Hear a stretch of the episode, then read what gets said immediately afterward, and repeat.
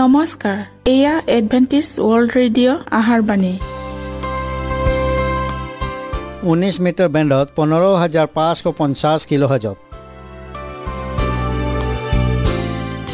Adventist world radio যোগে অসমীয়া ভাষাত প্ৰচাৰিত আহাৰবাণী প্ৰত্যেক বুধবাৰ আৰু দেওবাৰ সন্ধিয়া সাত বজাত আহাৰবাণী শুনাৰ পিছত আপোনালোকৰ কিবা মন্তব্য আৰু প্ৰশ্ন থাকিলে আমালৈ এই ঠিকনাত লিখক। আমাৰ ঠিকনাটি হৈছে Adventist world radio' seven day Adventist মণ্ডলী অসম শাখা লতাকাটা বশিষ্ট গুৱাহাটী সাত আঠ এক শূন্য দুই ন।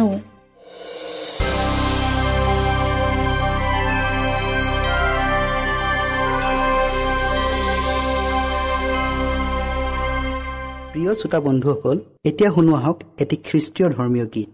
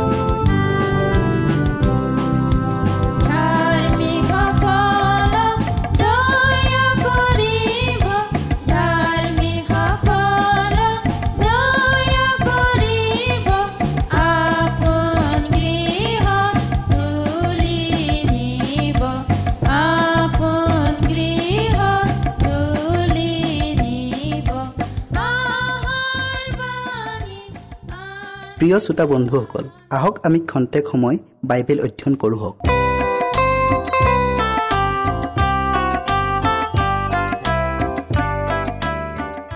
বিষয় হৈছে পাচোতা শব্দেৰে জগতৰ ইতিহাস। আজি জগতলৈ মন কৰিলে দেখা পোৱা যায় যে বিবাদ আৰু অমিলতাৰ প্ৰচণ্ড ধুমুহাই পৃথিৱীখন অস্থিৰতাৰে তোলাপাৰ লগাইছে। পৃথিৱীয়ে এনে ৰূপ অভিজ্ঞতা ছহেজাৰ বছৰৰ ভিতৰত আৰু যে পোৱা নাই এনে নহয়। মনুষ্য কাল্পনিক ব্যৱস্থাবোৰ বাৰে বাৰে অকৃতকাৰ্য হোৱাহে দেখা গৈছে। মানুহৰ আশাই কেৱল ভ্ৰান্তিমূলক ছয়াময়া আকৃতি বিকাশে মাথোন মানুহে নিজ অংগীকাৰ আৰু প্ৰতিজ্ঞাবোৰৰ কোনোটো ৰক্ষা কৰিব পৰা নাই। অতীতৰ যুগবোৰত দেখা যায় যে কোনো এটা জাতি মহাপ্ৰতাপী হৈ উঠি কিছুকাল সমৃদ্ধিশালী অৱস্থাত থকাৰ পাছত সেই জাতিৰ অৱনতি ঘটি পতন হয় আৰু সেই ঠাইত আন এজাতি লোক প্ৰতাপী হৈ উঠে। এইদৰে এইদৰে ইজাতিৰ পিছত সিজাতিৰ জগতৰ বুৰঞ্জীত উঠা নমা কৰি আহিছে। মানুহৰ এই অবিৰাম অকৃতকাৰ্যকতাৰ অন্ত নাইনে। যুদ্ধ বিগ্ৰহ সদায় চলিয়েই থাকিবনে?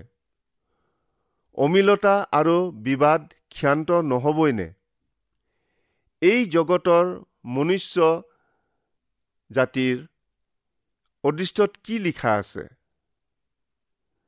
তাক জানিবৰ উপায় নাইনে? অৱশ্যে আছে।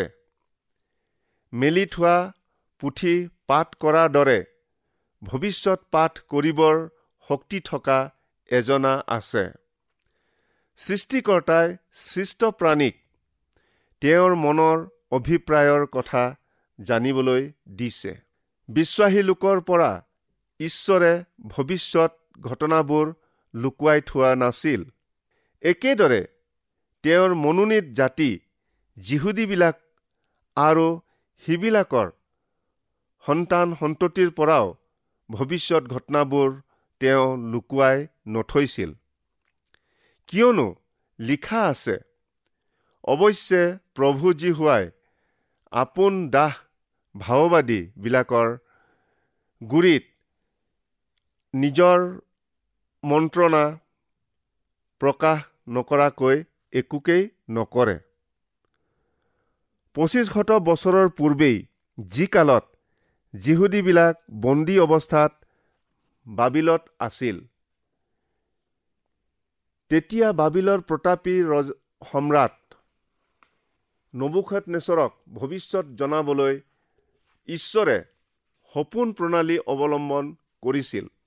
দানিয়েল পুস্তকৰ দ্বিতীয় অধ্যায়ত এই প্ৰাসংগিক কথা লিখা আছে। এৰাতি শুই থাকোঁতে নবুখাত সপোন এটা দেখিলে। পিছদিনা পুৱা ৰজাই সপোনটোৰ সমুদায় বৃত্তান্ত পাহৰি গ'ল। অতি চেষ্টা কৰিও তেওঁ সপোনটোৰ আটাইখিনি কথা নেলাগে তাৰ অকণমানিও সোঁৱৰণ নহল। অৱশ্যে এই পাহৰণিৰ মাজত ঐশ্বৰিক অভিপ্ৰায় আছিল।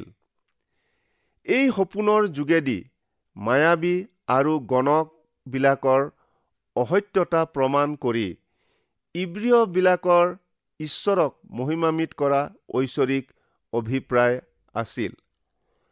ৰজাই সপোনটো সোঁৱৰণলৈ আনিবলৈ বুলি কৰা সকলো চেষ্টা যেতিয়া বিফল হ'ল তেতিয়া ৰাজ্যৰ আটাইবোৰ মায়াবী ইন্দ্ৰজালিক আৰু জ্যোতিষিক সম্ৰাটৰ এই আকস্মিক জৰুৰী বিপাকৰ সূত্ৰ উলিয়াবলৈ ৰজাৰ আগত হাজিৰ হবৰ আদেশ হ'ল। সপোনৰ অৰ্থ বাদেই ৰজাই কি সপোন দেখিছিল তাকো ক'ব নোৱাৰিলে। এনেতে বাবিলত বন্দী হৈ থকা ইব্ৰিয় যুৱক কেইজনে সৰ্গৰ ঈশ্বৰৰ গুৰিত প্ৰাৰ্থনা জনালে।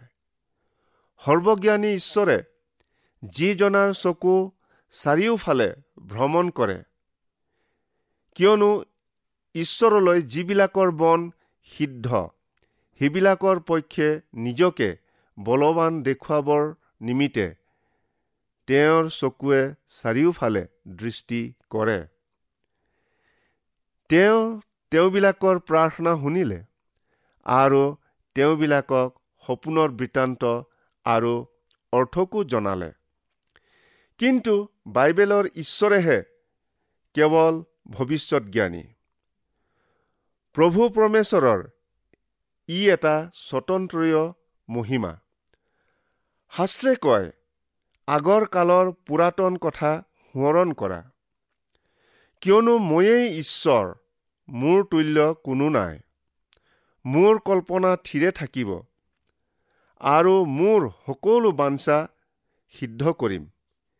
এই বুলি শেষত ঘটিবলগীয়া কথা আদিৰে পৰা আৰু এতিয়াও যি সিদ্ধ হোৱা নাই সেইবোৰ পুৰণি কালৰ পৰা প্ৰকাশ কৰি আহিছো। নবুখাত নেচৰৰ সপোনটোৱেই ঈশ্বৰৰ ভৱিষ্যত জ্ঞান ক্ষমতাৰ সুস্পষ্ট উদাহৰণ। পাহৰি যোৱা সপোনৰ সবিশেষ বৃত্তান্ত দানিয়েলৰ মুখত শুনি ৰজাই বিস্ময় মানিলে। হে মহাৰাজ আপুনি চাই এটা বৃহৎ মূৰ্তি দেখিছিল। সেই মূৰ্তি বৰ ডাঙৰ আৰু অতিশয় উজ্জ্বল। সেয়ে আপোনাৰ আগত থিয় হৈছিল আৰু দেখিবলৈ ভয়ানক আছিল। সেই মূৰ্তিটোৰ মূৰ শুদ্ধ সোণৰ বুকু আৰু বাহু ৰূপৰ পেট আৰু কৰঙন পিতলৰ ভৰি লোহাৰ আৰু ভৰিৰ পতা কিছু লোহা আৰু কিছু মাটিৰ আছিল। আপুনি চাই থাকোঁতেই শেষত এটা শিল বিনা হাতে কাটি উলিওৱা হ'ল আৰু সেই শিলে মূৰ্তিটোৰ ভৰিৰ লোহা আৰু মাটিৰ পতা দুখনত খুন্দা মাৰি তাক গুৰি কৰিলে। তাতে সেই লোহা মাটি পিতল ৰূপ আৰু সোণ একেবাৰে গুৰি হৈ ঘাম কালৰ মৰণা মৰা খলাৰ ঘোলাৰ নিচিনা হ'ল। আৰু বতাহে সেইবোৰ এনেকৈ উৰুৱাই লৈ গ'ল যে ক'তো সেইবোৰৰ উদ্দেশ্য পোৱা নগ'ল। কিন্তু যি শিলটোৱে মূৰ্তিটোক খুন্দা মাৰিছিল সেয়ে বৃহৎ পৰ্বত হৈ গোটেই পৃথিৱী জুৰিলে। সপোনটো এইয়ে এতিয়া আমি মহাৰাজৰ আগত সপোনৰ ফলিতা কওঁ।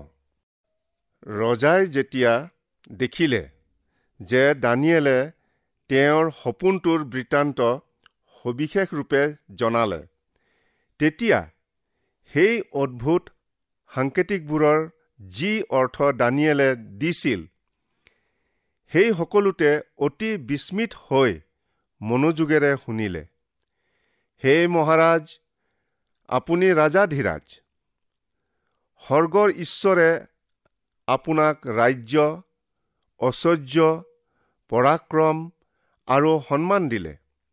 আপুনিয়েই সেই সোণৰ মূৰ এই সাম্ৰাজ্য যদিও পৰাক্ৰমী আৰু ঐশ্বৰ্যশালী আছিল তথাপি চিৰস্থায়ী নহয় কিয়নো ভাওবাদীয়ে কৈছে আপোনাৰ পিছত আপোনাতকৈ নৰম আন এক ৰাজ্য উঠিব। ৰূপ যেনেকৈ সোণৰ দৰে বহুমূলীয়া নহয়। তেনেকৈ বাবিলৰ পৰৱৰ্তী পৃথিৱীব্যাপ্ত ৰাজ্য মাদীয় পাৰস্য বাবিল ৰাজ্যতকৈ নিকৃষ্ট হ'ব। এই ৰাজ্যখন সপোনৰ মূৰ্তিটোৰ ৰূপৰ বুকু আৰু বাহুৱে বুজাইছে। দ্বিতীয় জগতব্যাপী সাম্ৰাজ্য বৰ্ণনা কৰি এটাই ভাওবাদীয়ে কৈছে তাৰ পাছে পিতল ৰূপ আন এক তৃতীয় ৰাজ্য উঠিব। সেয়ে গোটেই পৃথিৱীৰ ওপৰত শাসন কৰিব সেই প্ৰতাপী আলেকজাণ্ডাৰে নিজৰ প্ৰবল কোষ অভিলাষ আৰু কুস্বভাৱক দমন কৰিব নোৱাৰিলে। কেৱল বত্ৰিশ বছৰ বয়সতেই মাকিডনিয়াৰ আলেকজেণ্ডাৰ এক সুৰাপানৰ মতলীয়া বিবাদত কণ্ডল কৰি নিহত হ'ল।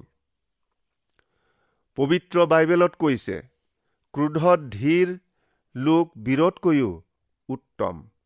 আৰু নিজৰ মনক দমন কৰা লোক নগৰ জয়কাৰীতকৈও শ্ৰেষ্ঠ। আলেকজাণ্ডাৰৰ মৃত্যুৰ পিছত তেওঁৰ চাৰিজন প্ৰধান সেনাপতিয়ে গ্ৰীক সাম্ৰাজ্য ভাগ বাটি ললে এইৰূপে তৃতীয় জগতব্যাপী ৰাজ্যৰ পৰিসমাপ্ত ঘটিল। দানিয়েলে প্ৰকাশ কৰিছিল আৰু চতুৰ্থ ৰাজ্য লোহাৰ দৰে দৃঢ় হ'ব। লোহাই যেনেকৈ সকলো বস্তু দুখৰ দুখৰ কৰি গুৰি কৰে সকলোকে ভাঙোতা লোহাৰ দৰে ঠিক সেইৰূপে এই ৰাজ্যই সেই সকলোকে ভাঙি গুৰি কৰিব। ৰোমৰ এই লোহাৰ সাম্ৰাজ্য চিৰস্থায়ীনে? ইতিহাসৰ বৃত্তান্তৰে সৈতে যেতিয়া ভাৱবাণীৰ সঠিকতা প্ৰমাণিত হয়। তেতিয়া আমি স্বীকাৰ কৰিবলৈ বাধ্য হওঁ যে মনুষ্য কীৰ্তি কোনো কামেই চিৰস্থায়ী নহয়। ভৰিৰ দহোটা আঙুলি বিখণ্ডিত ৰোম ৰাজ্যক বুজায়। কিন্তু এয়ে অন্ত নহয়। কিয়নো ভাওবাদীয়ে মূৰ্তিটোৰ সোণ ৰূপ পিতল আৰু লোহাৰ বিভাগবোৰ ক্ৰমান্বয়ে বৰ্ণনা কৰি কৈছে। আৰু আপুনি দেখিছিল ভৰিৰ পতা আৰু ভৰিৰ আঙুলিবোৰ কিছু কুমাৰ মাটিৰ আৰু কিছু লোহাৰ। তাৰ দ্বাৰাই জানিব লাগে যে চতুৰ্থ ৰাজ্য বিভক্ত হ'ব।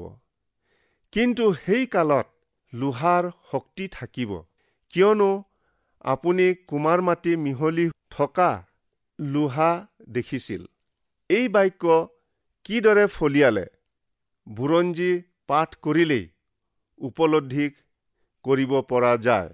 তিনিশ একত্ৰিশ খ্ৰীষ্টাব্দৰ আৰু চাৰিশ ছয়সত্তৰ খ্ৰীষ্টাব্দৰ ভিতৰত দহোটা বৰ্বৰ জাতিৰ আক্ৰমণৰ ফলত ৰুমিয়া প্ৰাচাত্য সাম্ৰাজ্য ভাগি ছিগি দহোটা সৰু সৰু ৰাজ্যত পৰিণত হ'ল।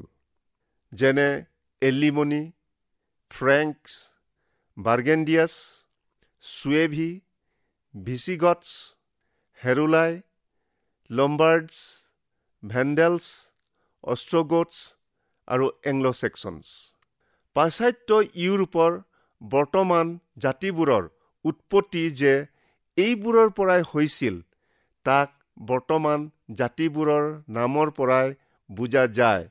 যেনে England Anglo Saxons Germany Alemanni France Franks Switzerland Burgundians Portugal Suevi Spain Visigoths Italy Lombards ইত্যাদি।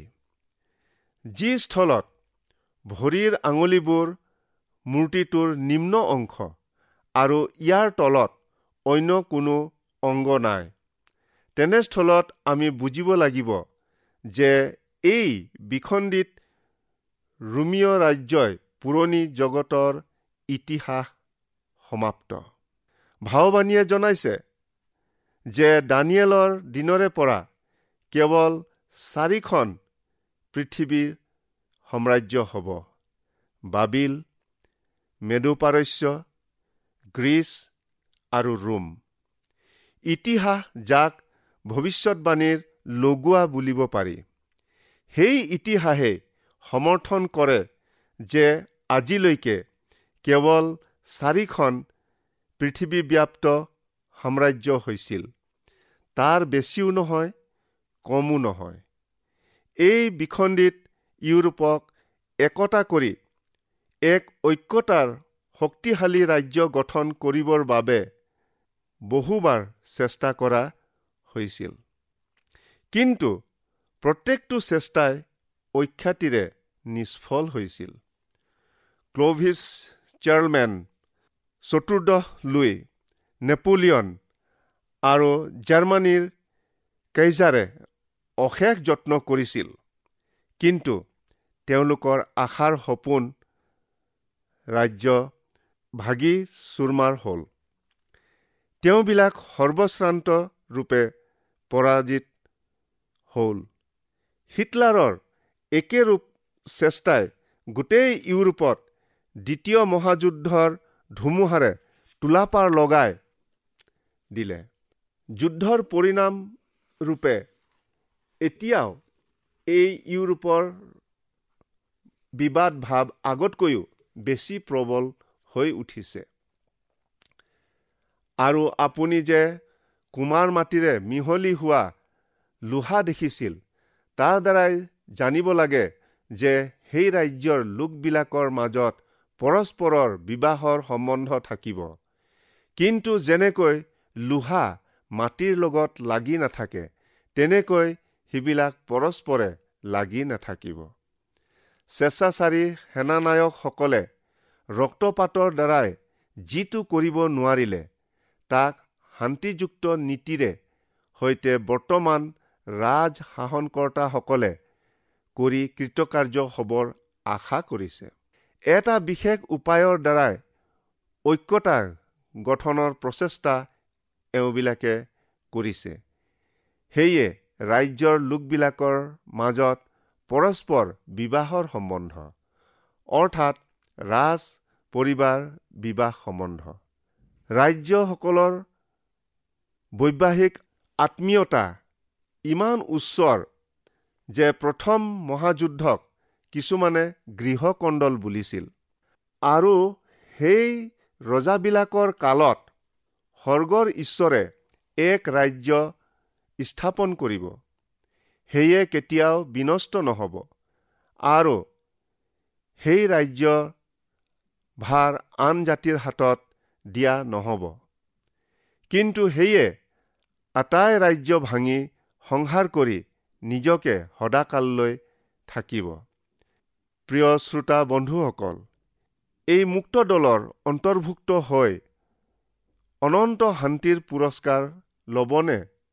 নতুবা জগতৰ পতনৰ লগত উচ্ছন্ন হ'ব তাক বাছি লোৱা নিজ নিজ ইচ্ছাৰ এলেকাৰ অধীন।